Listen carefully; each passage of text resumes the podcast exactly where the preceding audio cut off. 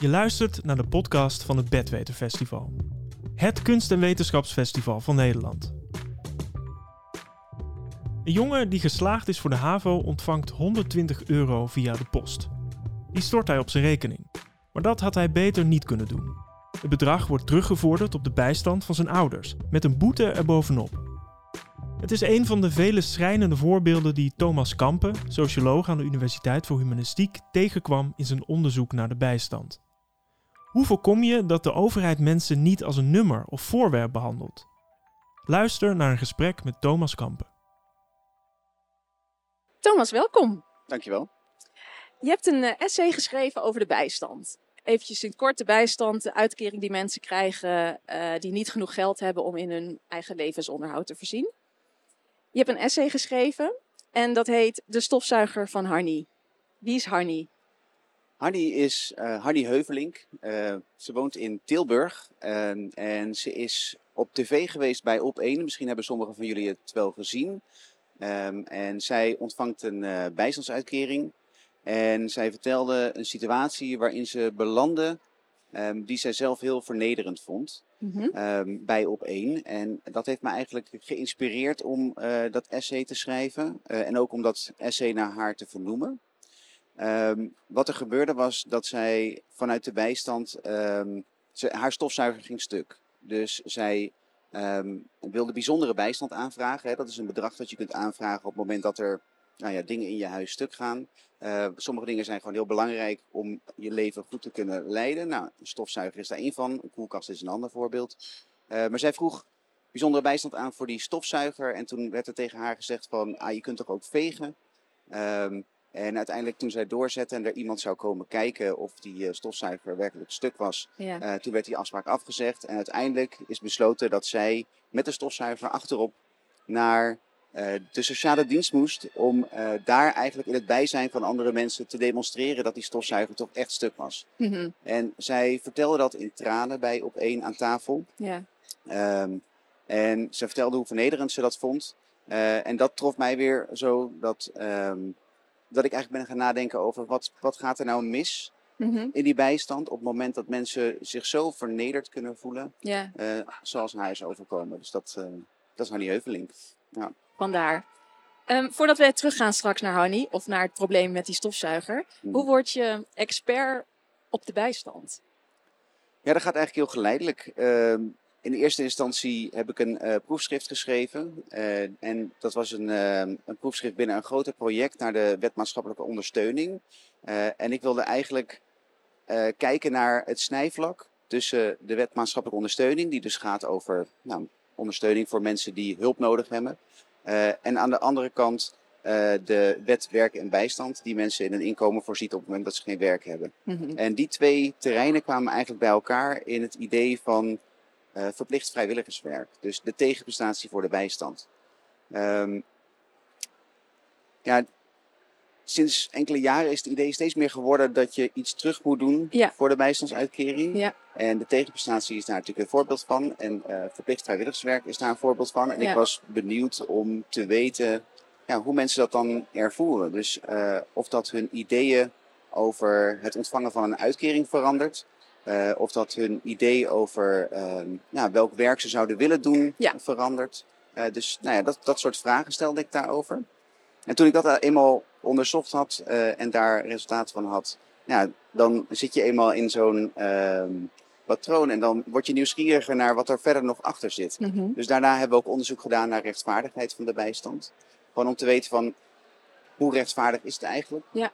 wat vinden mensen er zelf van? Dat er allerlei dingen voor teruggevraagd uh, worden. Uh, terwijl het in het verleden niet zo was, hè, dat er echt grote veranderingen hebben plaatsgevonden. Uh, en nou ja, zo denk je daarom, eigenlijk steeds dieper in zo'n onderwerp. Dat en daarom is, greep het verhaal van Hanny je natuurlijk ook aan. Ja, ja Want, precies. Ja. Zeker nu na de toeslagenaffaire horen we overal in de media dat de menselijke maat zoek is. Ja. Wat is volgens jou die menselijke maat?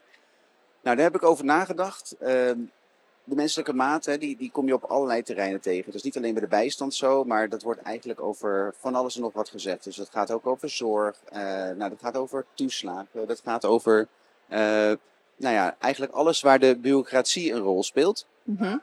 En um, Nou, die, die menselijke maat, dat is eigenlijk zo'n term waar eh, mensen iets in kunnen horen wat ze graag willen horen. En met, met, bij zo'n term word ik altijd nieuwsgierig hoe dat dan zit. Hè? Hoe Dus- bedoel je dat? Nou, dat, ehm, hetzelfde als bij de, de mens centraal. Dat vindt iedereen op zich een mooi idee. Ja. Maar dat is omdat iedereen denkt van, ah ja, ehm, ik zie daar bijvoorbeeld in dat mensen meer keuzevrijheid hebben.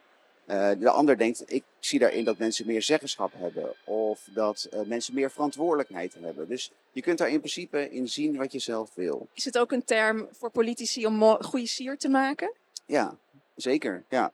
Nou ja, ik zat zelf toevallig de, de eh, serie over Pim Fortuyn te kijken. Ja. En daarin zat een fragment eh, uit een van zijn speeches. En toen had hij het ook al over de menselijke maat. Nou, voor hem vast ook nog andere. Het is dus maar niet iets nieuws. Het is, nee, en het is ook niet iets van links of rechts. Het is over het gehele politieke spectrum is het een term die eh, mensen aanspreekt.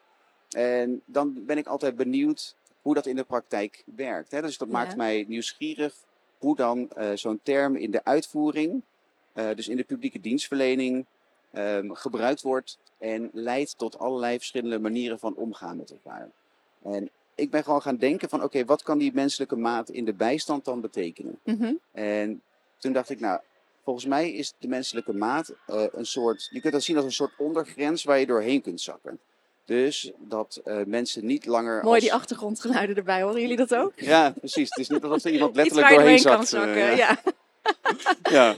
Maar dus, ehm, ik dacht, als je nou waardigheid als de menselijke maat neemt, als uitgangspunt, eigenlijk als een soort ondergrens waar mensen niet eh, doorheen mogen zakken. Ja. Dus waar, waar de publieke dienstverlening ehm, eh, mensen niet, ehm, nou waar, waar je niet aan mag komen, hè, wat je niet eh, kapot mag maken. En zo ben ik die bijstand gaan bekijken. En op zoek gegaan naar voorbeelden waarbij dat dan wel gebeurt. ja. En ook om te kijken, en hoe komt, hoe komt dat dan? Wat zit er dan achter? Voordat we daarheen gaan, Ja. je zegt hoe dat dan wel gebeurt. Wat gebeurt er precies? Wat gaat er mis? Is het de bureaucratie? Ehm, Ja, eh, het, het heeft verschillende redenen. Dus het is eh, voor een deel inderdaad de bureaucratie, ja. waardoor mensen eigenlijk ehm, gereduceerd worden tot een dossier. Dus iemand die zijn werk doet, die ziet niet meer dat er achter een dossier ook nog een mens schuil gaat. Mensen worden een nummer. Mensen worden een nummer. Mhm. Eh, maar tegelijkertijd is net zo goed marktwerking daar schuldig aan. Want marktwerking reduceert weer mensen tot een product. Dus dan wordt er bijvoorbeeld als je in de zorg marktwerking introduceert, dan wordt er gedacht van oké, hoe kunnen we ook via patiënten geld verdienen? En dan kun je ook de mens uit het oog verliezen. Dus dan raak je ook de menselijke maat eh, raakt dan zoek. Geld verdienen aan mensen die een uitkering vragen?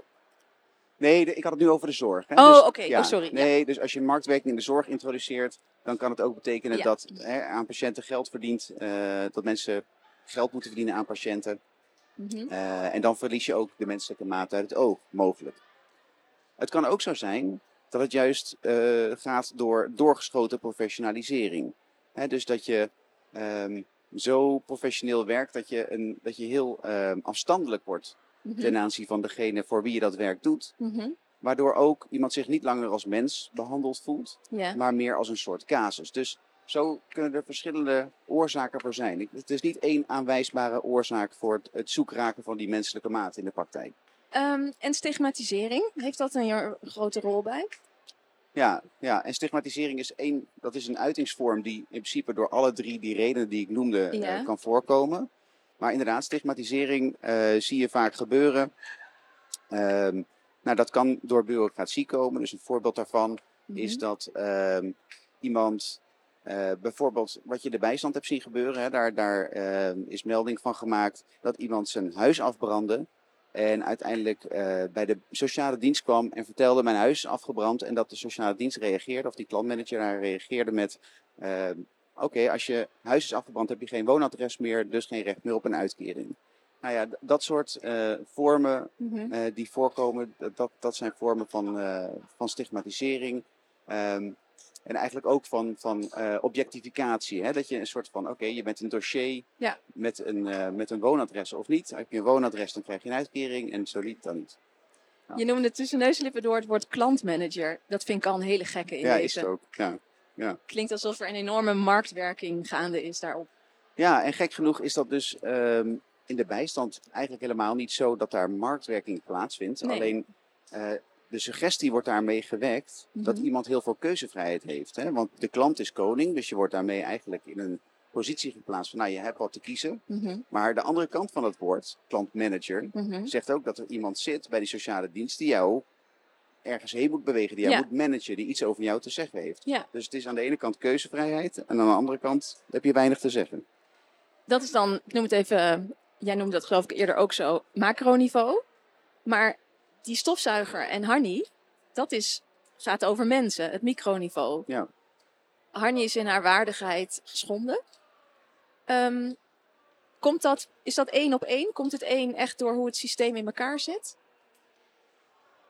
Nou, voor een deel ehm, eh, moet je het zoeken inderdaad in de, in de regelgeving. Ja. Hè, in de wet en regelgeving. Dus een voorbeeld daarvan is dat de bijstand zo laag wordt gehouden, eh, omdat dat mensen zou prikkelen om aan het werk te gaan. Ja. En wat je daarmee veroorzaakt, is dat je mensen eigenlijk in de armoede houdt, in de veronderstelling dat ze dat in beweging zou brengen. Dus daar gaat al iets fundamenteel mis natuurlijk. Hè? Want zo werkt het niet. Zo werkt jou. het niet. Nee, mensen worden juist ziek van ehm, heel weinig geld hebben. Ehm, mensen eh, raken angstig van weinig geld hebben. Mensen komen niet in beweging om werk te zoeken op het moment dat je weinig geld hebt. Dat is gewoon niet hoe de praktijk werkt. Dus daar zit al echt een fundamentele denkfout eh, in de wet en regelgeving in het beleid. Mhm. Dat is één niveau waarop het misgaat. Maar wat ik in die eh, lezing ook heb uitgewerkt is hoe dat eh, misgaat in de uitvoering. Dus in de interactie tussen de mensen eh, om wie het gaat, hè, in dit geval dan de bijstandsgerechtigden, en de klantmanagers van de sociale dienst. Ja. En nou ja, dat, dat gaat daarin ook wel fout, omdat die eh, klantmanagers geneigd zijn om een bepaalde tunnelvisie te ontwikkelen op ehm, nou, een van de dingen die werk van ze vraagt. Dus Ja. dat is bijvoorbeeld dat jij streng bent tegen mensen die fraude plegen. Eh, dat heb je dus ook al in de toeslagenaffaire gezien. Hè? Daar is ook een, een doorgeschoten eh, fraudejacht eigenlijk eh, aan de gang geweest. En dat is in de bijstand ook voor een deel wel aan de hand. Mhm. Dat er mensen zijn die daar in die uitvoering werken, die eh, dat helemaal als hun opdracht zijn gaan zien. Tegelijkertijd heb je ook eh, mensen die juist veel meer zorgzaamheid eh, als hun opdracht zijn gaan zien. Maar het probleem is in ieder geval dat daar een, een, een tunnelvisie, ehm, dat mensen die daar werken een tunnelvisie ontwikkelen op een bepaald aspect van eh, het werk. Maar zou het dan een oplossing zijn, of kan dat überhaupt helemaal niet, dat, we, dat elke persoon helemaal individueel wordt bekeken, een, een eigen scenario voor wordt geschetst? Ehm, waar moeten we de oplossing in zoeken? Ja, dat, eh, dat klinkt natuurlijk mooi hè? en dat is ook wat beleid ehm, veronderstelt. Dat in ieder geval maatwerk, dus ik bedoel niet in ieder, maar in ieder geval bij elke casus, bij iedere persoon maatwerk wordt verricht. Maar in die praktijk, eh, de manier waarop het georganiseerd is, is er altijd schaarste. Dus het lukt die mensen in de uitvoering ook niet om bij iedereen Nee. ehm, naar die persoonlijke omstandigheden eh, te kijken. Dus dat kun je ook niet van mensen die met een caseload van, hè, dus dat is het aantal mensen dat zij ehm, per jaar moeten zien. Als jij een caseload hebt van 200 mensen en er wordt van gezegd, die moet je allemaal jaarlijks zien. Dan kun je niet bij iedereen zo enorm in die persoonlijke omstandigheden duiken. Misschien is het ook niet nodig. Nee. nee, dat is dus ook niet nodig. Want er zitten ook mensen de bijstand die denken, nou, eh, laat mij voor nu maar even met rust. Of eh, laat mij maar even zelf eh, naar werk zoeken. Dus je hoeft ook niet bij iedereen daar enorm bovenop te zitten. Ehm, Ja. Dus in die zin is maatwerk ook een beetje een, een, een mal idee, een beetje makkelijk gezegd. Eh, en is eigenlijk een beetje hetzelfde als de menselijke maat. Het is Ja. de vraag van ja, wat betekent het nou eigenlijk? Je kunt er alles in zien wat je wil. Dus het zijn Welke- van die stoplappen die de discussie eigenlijk stoppen. Want welke richting zouden we het wel moeten zoeken? Ehm, nou, ik zat te denken, wat nou als je eh, in plaats van maatwerk gewoon eh, fundamenteel uitgaat van zeggenschap van mensen. Dus dat je eigenlijk bij iedereen kijkt van oké, ehm, wat wil jij? En ehm, hoe kunnen we jou helpen daar te komen waar jij wilt komen? Hoe jou, om jouw ambities te verwezenlijken. En dat is niet de manier waarop het nu is ingestoken. Want het wordt nu heel vaak vanuit, eh, er wordt heel vaak vanuit het aanbod gedacht. Mhm. Dat is nog steeds En niet alleen in de bijstand, ook op andere plekken. Maar in de bijstand wordt heel vaak gedacht van oké, we hebben deze trajecten Ja. eh, voor mensen klaargezet. Eh, en dat zijn manieren om terug te keren naar betaald werk. Maar daarbij wordt er veel te weinig gekeken eigenlijk naar wat mensen zelf willen. En hoe die stap ze eventueel gaat helpen om daar te komen waar ze zelf willen. Maar wat voor antwoorden zie je daarbij voor je dan? Als je, als je mensen zou vragen, wat zou je willen? Welke, welke richting moet ik op denken? Nou, dan kan het bijvoorbeeld betekenen dat mensen zeggen: eh, Ik wil nu een periode zelf zoeken. eh, en dan wil ik graag een periode Zoeken naar werk. Ja, Ja? ja, precies.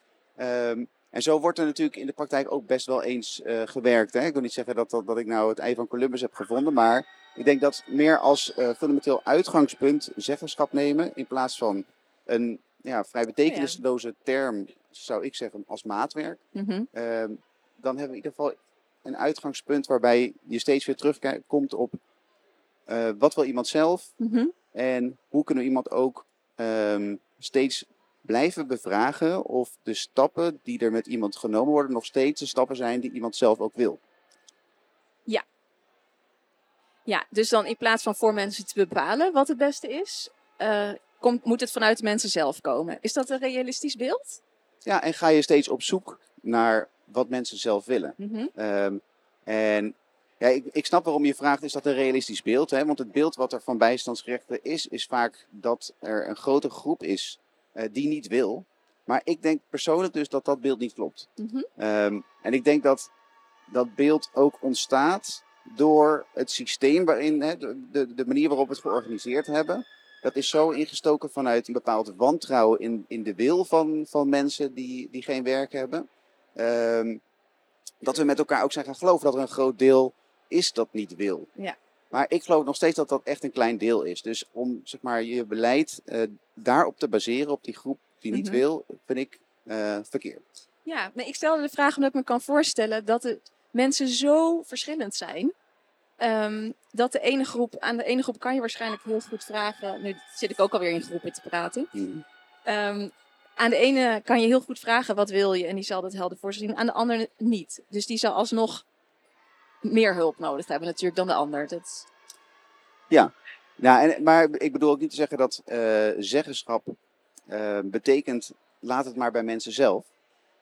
Maar eh, denk ook mee met mensen. Hè? Ja. Dus misschien ook wel een aardig, want er zitten vast mensen zich af te vragen van nou, maar is dan het basisinkomen geen goed alternatief daarvoor?